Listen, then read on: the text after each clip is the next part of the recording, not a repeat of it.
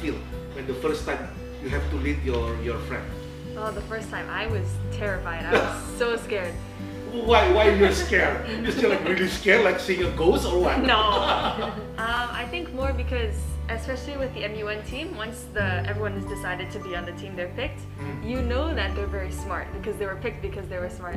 And so it's Ah. kind of this pressure because you know that you're leading a team of very smart, capable people, and you have to make sure you know how to organize them. You have to make sure to be assertive because they're all smart enough. They're all like assertive enough to make their own decisions too. You have to make sure that everyone still does what Okay. itu mungkin tantangannya bang Ronald juga sa- mungkin sama uh, dalam uh, konteks sekolah ataupun organisasi atau Iya. uh, dengan profesional ya di kantor bagaimana kalau kita harus memimpin orang yang Lebih mungkin pinter. lebih pinter lebih tua, lebih tua, atau iya. punya pengalaman yang lebih itu Nah. bagaimana padahal mungkin kita tidak tidak selalu lebih dari mereka juga gitu. Oke.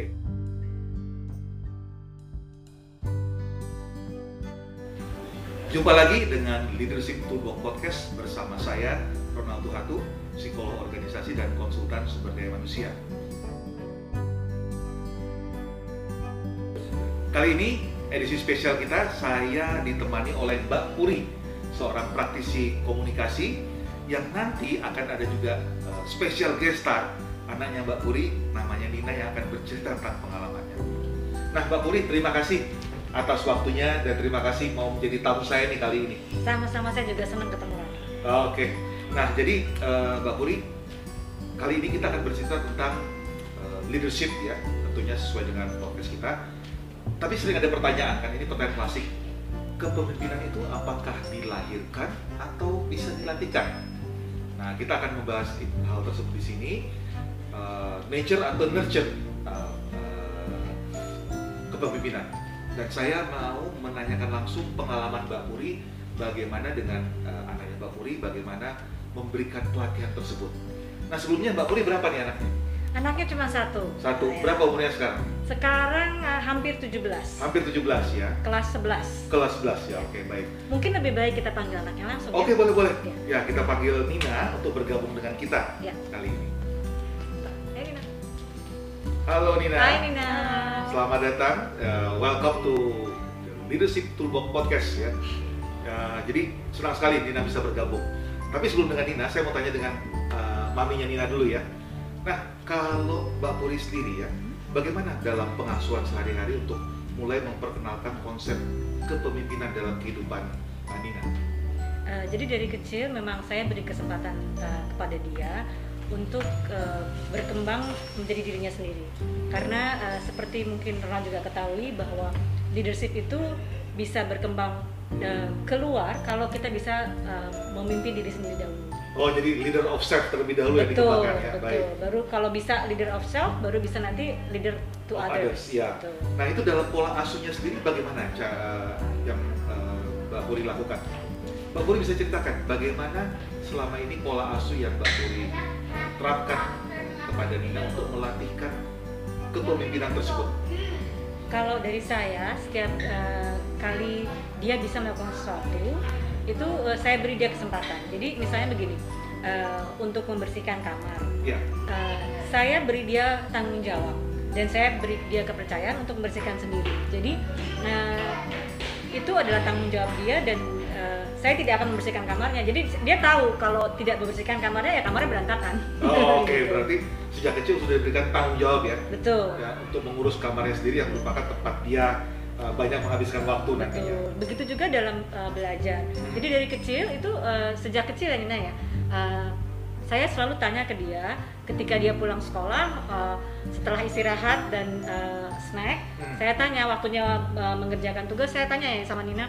Oke, sekarang ada tugas apa? Ya. Kemudian saya kasih kesempatan Nina mau mengerjakan tugas itu sendiri, ya kan? Atau mau ditemani mommy?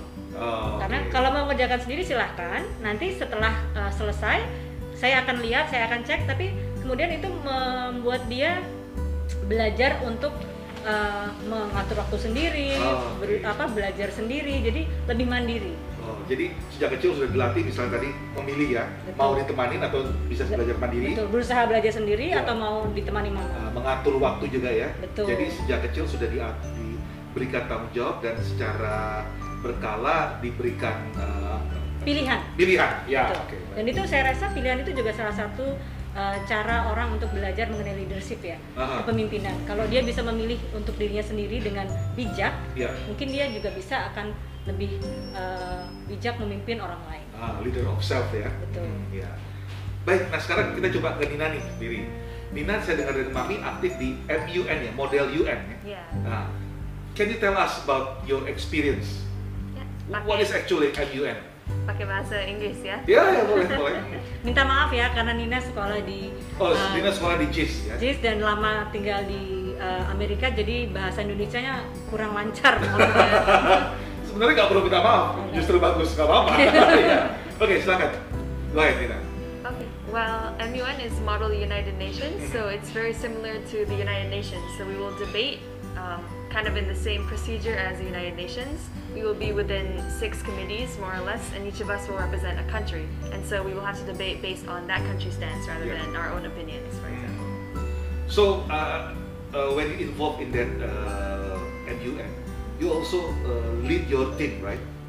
Yeah, Yeah. especially in Uh, apa pengalaman Nina? How, how how do you feel when the first time you have to lead your your friend? Oh, the first time I was terrified. I was so scared. Why why you're scared? You're still like really scared, like seeing a ghost or what? No. um, I think more because, especially with the MUN team, once the everyone has decided to be on the team they're picked, Mm. you know that they're very smart because they were picked because they were smart. And so it's Ah. kind of this pressure because you know that you're leading a team of very smart, capable people, and you have to make sure you know how to organize them. You have to make sure to be assertive Mm. because they're all smart enough. They're all like assertive enough to make their own decisions too. You have to make sure that everyone still does what Okay. they need to do. itu mungkin tantangannya bang Ronald juga sa- mungkin sama uh, dalam uh, konteks sekolah ataupun organisasi atau Iya. uh, dengan profesional ya di kantor bagaimana kalau kita harus memimpin orang yang Lebih mungkin pinter. lebih pinter lebih tua, Ya, lebih tua, atau iya. punya pengalaman yang lebih itu Nah. bagaimana padahal mungkin kita tidak tidak selalu lebih dari mereka juga gitu. Oke, nah sebelum saya jawab itu, saya mau tanya juga, Mbak Puri kan dulu kan kita pernah sama-sama ikut program kapal Asia Iya, Jepang ya, iya. dan Mbak Puri jadi youth leadernya. betul Tadi kan Nina perasaan pertamanya apa? Terrified ya? apa sih bahasa Indonesia itu? Uh, ketakutan ketakutan ya, sangat karena ketakutan You have to, uh, tapi takut in, in a good, Good way, good sense ya. ya. Uh, you have to lead people smart terus- dan you uh, ya dan assertif ya bagaimana. Nanti later I will ask you a follow up question, but Mm-hmm. I just want to ask your mom. Uh, bagaimana perasaan Mbak Puri ketika harus memimpin teman-teman dari berbagai provinsi yang mereka juga nomor satu dari provinsinya dan lebih tua beberapa uh, lebih. Nah, Dan- gimana dan- caranya? sebenarnya bukan hanya dari berbagai provinsi tapi juga berbagai negara ya karena Iya. dalam uh, Oh, iya. SG Group itu kan uh, Jadi se- group leader. betul Betul. betul, ya uh, sebenarnya ketika itu uh, uh, saya merasa memimpin itu bukan sekedar um, status ya Iya. tapi lebih kepada uh, cara kita uh, memfasilitasi Ah, kelompok. Jadi betul. Ya. Karena buat saya uh, pemimpin yang baik itu adalah pemimpin yang bisa melayani anggotanya. Oke. Jadi atau memfasilitasi anggotanya. Jadi uh, pendekatan saya lebih kepada uh, sebagai teman, kami setara, semua Oke. setara, tapi apa yang bisa saya lakukan agar tim saya atau kelompok saya atau delegasi saya bisa lebih maju. Ah, Jadi itu tugas saya. Mem- mem- mem- menempatkan mereka pada kesetaraan ya. Betul. Jadi kalau katanya apa uh, first among equal meskipun Betul. meskipun dia kita setara tapi tetap Puri juga uh, uh, menjadi tokoh panutan juga bagi mereka dalam beberapa hal ya. Ya, eh, karena eh, saya rasa begini ya, karena kalau bicara tentang oh mereka lebih ada yang banyak yang lebih pinter, banyak Iya. yang lebih Hmm. eh, tua usianya juga, Iya. gitu. Eh, tentu saya harus lebih menghormati mereka. Uh, Karena buat saya, Hmm. kalau kita eh, memimpin eh, suatu kelompok Iya. atau eh, grup itu eh, yang penting bukan oh, saya merasa lebih atau eh, saya harus dicontoh bukan, tapi memimpin itu esensinya adalah uh, eh, mengerti dan memfasilitasi kelompok tersebut untuk mencapai suatu tujuan tertentu. ya, itu kan secara normatifnya maksudnya uh, Betul. kerangka berpikirnya. ya. Sekarang kalau berbicara dengan teman-teman yang lebih senior gitu ya, Mm. bagaimana caranya spesifiknya Puri apa kalau misalnya minta mereka melakukan suatu tugas, bagaimana cara Puri berbicara dengan mereka? Eh, yang pertama saya lihat dulu ya usia ya, karena Iya. kita orang Asia, Iya. jadi kita selalu melihat usia itu penting Betul. karena eh, ada semacam eh, eh, struktur sosial. Iya. Nah, begitu. Nah, kemudian saya akan lihat juga dari mana asalnya dan latar belakangnya. Ah, Oke. Gitu. Jadi saya budaya ya konteks budaya orang betul tersebut. betul. Ya. Jadi eh, dan saya karena saya juga wartawan, jadi saya pakai latar belakang saya eh, di media. Bagaimana saya bisa mengerti orang tersebut? Kira-kira apa yang bisa Ah, oke. berempati dengan orang tersebut. Betul dan Hmm. kalau kita bisa uh, membangun uh, koneksi atau Iya. hubungan yang baik dengan orang tersebut maka uh, komunikasi akan lebih baik dan uh, apa yang ingin dicapai bersama atau saya minta tolong kepada dia untuk melakukan sesuatu akan dilakukan dengan baik. Oh. With you Nina, kan uh, I believe uh, you half Indonesian, ya. Uh, how you deal with uh, people from uh, your team member from other countries? How you try to understand the culture context when you want to distribute the the task or whatever the assignment? Well, I think just as unique in that, well, it's international, obviously, so I think everyone is kind of, well, mostly is kind of used to the American way of education. Okay. So, in a way, I think we all kind of think the same way in regards to how we tackle a problem or perhaps mhm. how we look at writing a resolution or working together. And I think just the most important thing to remember is that there's not one person that's necessarily smarter than you or Ah, deserves more to be on the team than you. You were chosen specifically For if a you did reason. for a reason, yeah, Right. to Yeah, be a yeah. leader and perhaps you know you don't have the most experience, but maybe you know you make up for it because you're very focused or you're driven. There's a, there's a reason why you were picked, and I think you need to remember that. So you don't assume that when they assign you as leader, you are the smartest among No, them. yeah. Oh, okay, that's very good. Very humble. Nah, Karena saya yakin ya uh, dalam satu kelompok itu pasti Iya. masing-masing anggota punya kelebihan sendiri-sendiri. Betul. Dan itulah yang kita sebagai pemimpin bagaimana bisa uh, membuat uh, anggota yang memang punya kelebihan ini Hmm. bisa me- berkembang Iya. dan justru membawa kelebihannya itu untuk kebaikan bersama. Okay. Nina, when when you have a, I mean, a conflict with or uh, different opinion with your team member, how you approach that situation?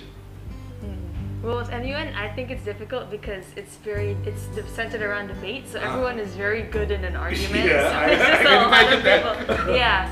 So I think what's important is to make sure that everyone can say their opinions because Ah, there's usually so you give them time to express their opinion. yeah, everyone needs to be able to express their own opinions. It's kind of similar to the United Nations in a way because everyone But every isn't it tiring, you know, listen to all, I mean, if if I'm a leader, listen guys, this is- I'm the leader, I think you know that I, I can speak, or I don't know, what, what, what is it? But mu- mungkin itu uh, perbedaan mendasar uh, apa uh, asumsi pemimpin seperti apa Oke. itu yang kita, dipunyai banyak orang kan beda-beda ya. Hmm. Kalau buat saya atau mungkin juga buat Nina Hmm. itu memimpin itu lebih kepada mendengarkan. Oh, oke. Ya, jadi Memfasilitasi. memfasilitasi, Yo, yo. mendengarkan ya. Oh, Oke. Karena a good leader is someone who can listen Aha. and who can also help facilitate. Ah, Jadi oke. bukan hanya sekedar menyuruh-nyuruh atau memberi instruksi. Ya kalau kita kan biasa di Indonesia kan pada bos kan nyuruh. kan? Iya, beda ya, beda, Beda. beda pendekatannya. So, uh, if you uh, reach a certain point where uh, there is no agreement, how you solve that? It's a conflict. uh, I think at that point, that's when you have to realize that you are in a leadership position. So Yes. you do have, maybe not the power, maybe power is the wrong word, but you do have the jurisdiction to speak Ah, up okay. and maybe separate those who are conflicting. Or if it's MUN, for example, Mhm. save it for the debate because you want to keep that passion for when you can actually use it instead of it being unproductive when you're just making a resolution, for example, because that you need to collaborate. That's not the time where you need to fight or debate with different stances. Yeah, I, I just asked, asked your mother about how uh, your mother uh, raised you. So, what do you think uh, you learned from the way your mom? Oh, oh. uh, Oh no. How, how do you feel? You know, when you were given responsibility to taking care of your room, how does uh, that experience help you when you lead the team? I do want to say, my mother, we do fight a lot. I think. or we, well, no, maybe fighting is a Good fight, good Nah, fight. ya, nah, no, because that's actually how I know. Uh, bagaimana saya tahu anak saya itu uh, uh, apa bisa mungkin apa uh, Hmm. suka MUN itu awalnya adalah karena memang dia dari kecil argumentatif ya. Oke. Dan itu mungkin saya rasa juga karena sejak kecil, Hmm. uh, ketika uh, sejak dari dia kecil itu saya kalau uh, melarang atau meminta dia melakukan sesuatu selalu menjelaskan kenapanya. Oh, there's a reason why. There's a reason. Yeah. So jadi dia terbiasa berpikir seperti itu. Ah, so it's in some way contribute to uh, your development as a person. I mean, Ya. Ya, Hmm. jadi Ya. dia ber- terbiasa berpikir eh, sebab akibat dan kemudian eh, dan dia bisa membuat argumentasi yang kuat bahkan Ah. ketika dia masih kecil pun. Jadi Oh, oke. karena mungkin terbiasa saya juga begitu Oh. dan akhirnya eh, ketika eh, di MUN itu Ya. dia menemukan eh, media. So you don't need to practice anymore. Yes. Seriously, karena begitu. karena selama ini prakteknya di rumah sama saya debatnya Oke, oke. daripada debat sama ibunya mendingan debat di MUN. betul. Uh, what are one or the two things that you learn uh, as you know when you lead your team? What are the things that you uh, will contribute to your development later on? Hmm. That's a good question. Hmm. That's a heavy question. yeah, I mean, what we can, what you can learn, and then maybe you can share that experience, uh, the key learning that you got from uh, participating in MUN. I think being able to look at different perspectives because in MUN when you're representing a country sometimes for example okay I won't say a country because that's but sometimes you'll be given a country that you don't agree with you Yeah. don't, you, they have different stances than you but you still have to argue that stance which means I'll do for them, even yeah it's not- even if you disagree Right. yeah Yeah. so that means you still have to be persuasive you still have to try to convince every other delegate in the mm. committee which means you have to be not necessarily open, but you have to see the incentives or the motives behind why a country or a mm. person would choose to act this way. Mm. mungkin itu juga yang eh, apa kita pelajari di rumah juga mungkin ya. Karena saya Iya. terbiasa juga dengan Nina. Kalau dia punya pendapat kita dengarkan. Dari kecil eh, meskipun dia kecil masih kecil tetap pendapatnya itu penting. So dihargai ya. didengarkan betul Ya, dihargai. didengarkan. jadi eh, dan tidak selalu pendapatnya harus sama dengan kita. Ah, jadi meskipun dia anak dan kita orang tua selalu uh, kita berdiskusi. Kalau ada perbedaan pun tidak apa-apa. Jadi ada uh, ada yang kalau kita bilang bahasa Inggris itu agree to disagree. ah, oke, oke. Ya, jadi kalaupun kita berbeda, it's okay. Ya. Tapi uh, kamu punya kebebasan untuk mengungkapkan pendapat dan itu akan dihargai. Tapi tidak semua orang loh bisa apa ya uh, memiliki tidak semua orang bisa kuat memiliki uh, pola pengasuhan seperti itu ya. Mau menghargai pendapat seorang anak kecil kan. Ya, Kalau kita orang tua orang kita biasa tradisional pikir ya kamu anak kecil taunya apa.